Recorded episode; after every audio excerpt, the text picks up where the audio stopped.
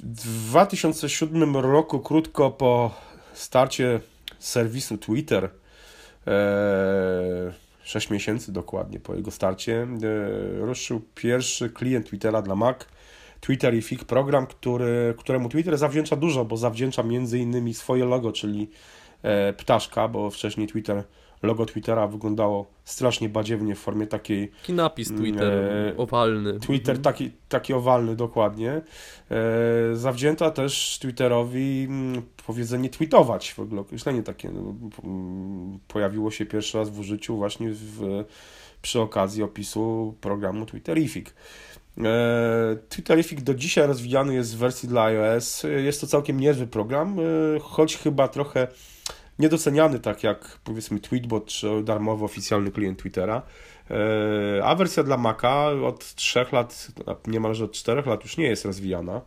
E, no i teraz e, jego twórcy tego programu, czyli Studio Icon Factory, zdecydowało się na wskrzeszenie tej aplikacji dla Mac, dla Maca w formie no, w zupełnie nowej wersji zda, y, kompatybilnej, czy odpowie, jakby będącej y, odpowiadającej tej najnowszej wersji dla, dla iOS, ale nie zdecydowali się po prostu stworzyć nowego programu i wrzucić go do App Store'a, czy sprzedawać go przez swoją stronę, ale zdecydowali się na crowdfunding i na projekt, ruszenie z projektem na Kickstarterze. Co o tym myślisz, Jacek? Czytałem jakby, jakby pomysły, które mają na, na stworzenie tego nowego programu. To projekt Phoenix e, się nazywa e, na razie. No i szczerze powiedziawszy, nie ma tam zbyt wielu rzeczy, które by mnie zachęciły do opuszczenia Tweetbota, e, no i kupienia tego Twitterifika. Zresztą dokładnie w taki, tak samo wygląda mm, sytuacja z systemem iOS, gdzie mam Twitterifika mm, kupionego już od, od dłuższego czasu. E, mam też Tweetbota, no i korzystam z Tweetbota, no bo po prostu bardziej mi odpowiada szata graficzna, lepiej to trochę działa. Nie mówię, że Twitterifik jest zły, ale nie jest najlepszy. No po prostu, tak, tak bym go określił. Znaczy, on, on jest trochę inaczej rozwiązany, tam są pewne rzeczy inaczej rozwiązane. Tak, tak, zdecydowanie. Przykład... Po prostu mniej mi pasuje niż Tweetbot. Mhm. Zonifikowana linia czasu, czyli to, że powiedzmy wiadomości prywatne chyba też się w głównej linii pojawiają. Eee, wiesz co, ja, ja mam takie okresy, że korzystam z Twitterifica, ale generalnie faktycznie też korzystam głównie z Tweetbota na iOS. Eee, mnie zastanawia mm, kilka rzeczy. Czy potrzebny nam jest tak naprawdę mm, kolejny program do Twittera, kolejny klient Twittera na, na Maca, bo tak naprawdę jest ich kilka jeszcze dodatkowo, e, o których się już no, nie za bardzo wspomina. Jest kilka ja programów, które korzystałem do... na Maca, bo była bardzo tania. Tweetbot jest dosyć drogim programem. Obskura chyba dolara kosztowała. No bardzo prosty program. E, no w końcu tam zdecydowałem się później na zakup e, Tweetbota e, na Maca. No ale ta obskura gdzieś tam też dawała radę. No i przecież mamy darmowego i TweetDecka i Twittera mm, po prostu od, od Twittera, który no wielu użytkownikom wystarcza w zupełności. Ja tam nie przepadam za nim chociażby ze względu na brak synchronizacji, no ale jakby ciężko mieć jakieś większe zastrzeżenia co do tego programu. Mhm.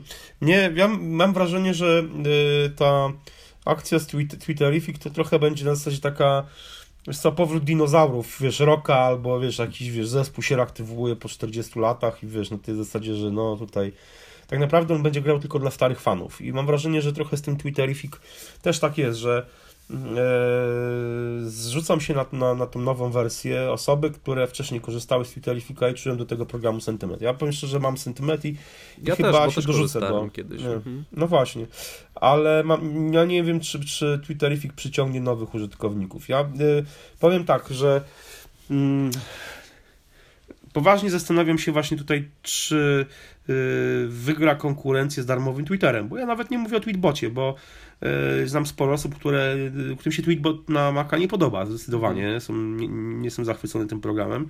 I na przykład być może im, im one by były skłonne kupić Twitterific, ale wiem, że są zadowolone z darmowego klienta i dlatego z niego korzystają, nie dlatego, że jest darmowy, tylko dlatego, że spełnia wszystkie ich mhm ich potrzeby, co, więc... Trochę przyznam, e, że ja trochę należę do tej grupy. E, głównie z Twittera korzystam na, na telefonie. E, natomiast na Macu zdarza mi się nawet nie odpalać czasem Tweetbota, tylko wejść przez przeglądarkę internetową, gdzie mam wszystkie powiadomienia po prostu e, pokazane. No ze względu na to, że to API, które Twitter udostępnia deweloperom jest w pewnym stopniu ograniczone, no to nie możemy sobie w tak fajny sposób gdzieś tam zobaczyć e, posegregowanych tych powiadomień jak przez stronę. E, dlatego czasem mi się zdarza i przez stronę przeglądać, chociaż tego Tweetbota mam i też jest w doku i, i z niego często korzystam, ale podstawową taką platformą u mnie do, do Twittera jest, jest iPhone mimo wszystko.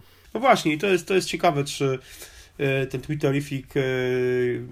Y, bo mam, nie mam obaw, że, że, że, że, że ta kampania się nie powiedzie. Wydaje mi się, że im się uda, że zbiorą Już teraz mają ponad 10% tam po dwóch godzinach. Czy, no właśnie, czy... no właśnie, więc ja myślę, że myślę, że to nie będzie problemu i zbieram, zbieram całą sumę.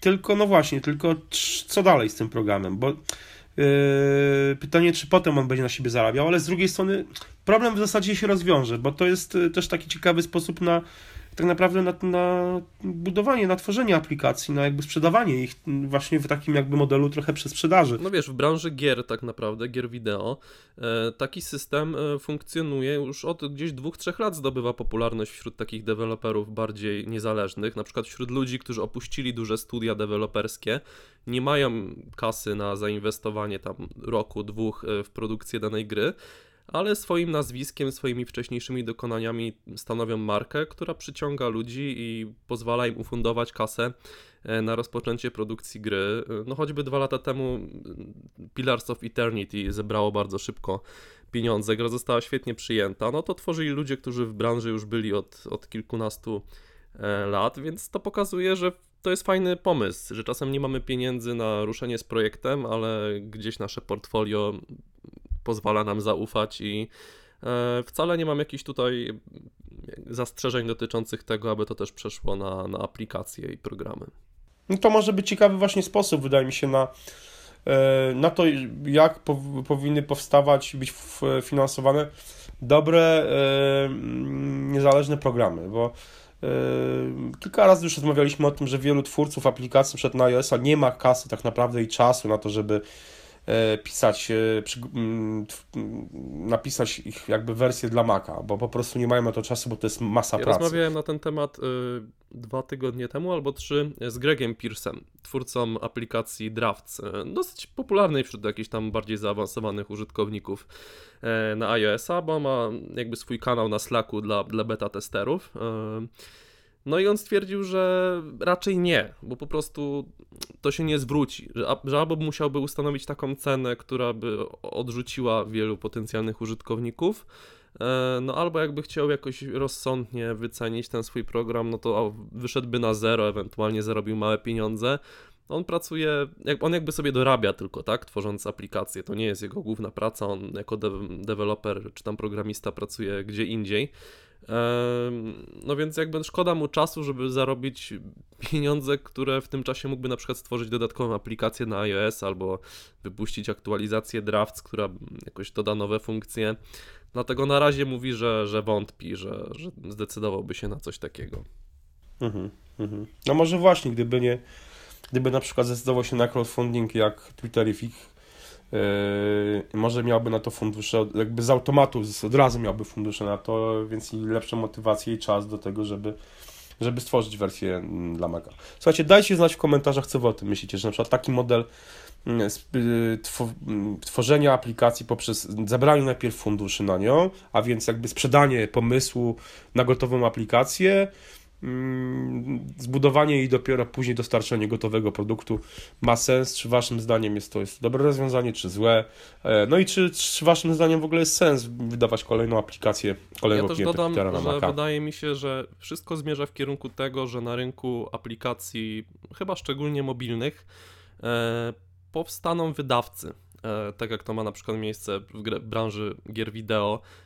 I ci wydawcy będą po prostu finansować fajne projekty, oczywiście inkasować z nich potem e, większość zysków, opłacając tylko dane studio deweloperskie czy danego dewelopera i chyba będzie to zmierzać w ciągu najbliższych pięciu lat w tym kierunku, takie mam wrażenie. No, albo w kierunku takim jak yy, setup, tak, czyli tak. Mhm. abonament na aplikację, subskrypcję, dokładnie, model subskrypcyjny, nie dla jednego programu, tylko dla e, całej usługi, która oferować ma coraz więcej różnych fajnych, przydatnych aplikacji. No zobaczymy. Słuchajcie, dajcie znać w komentarzach i słyszymy się już jutro. Trzymajcie się, na razie, cześć.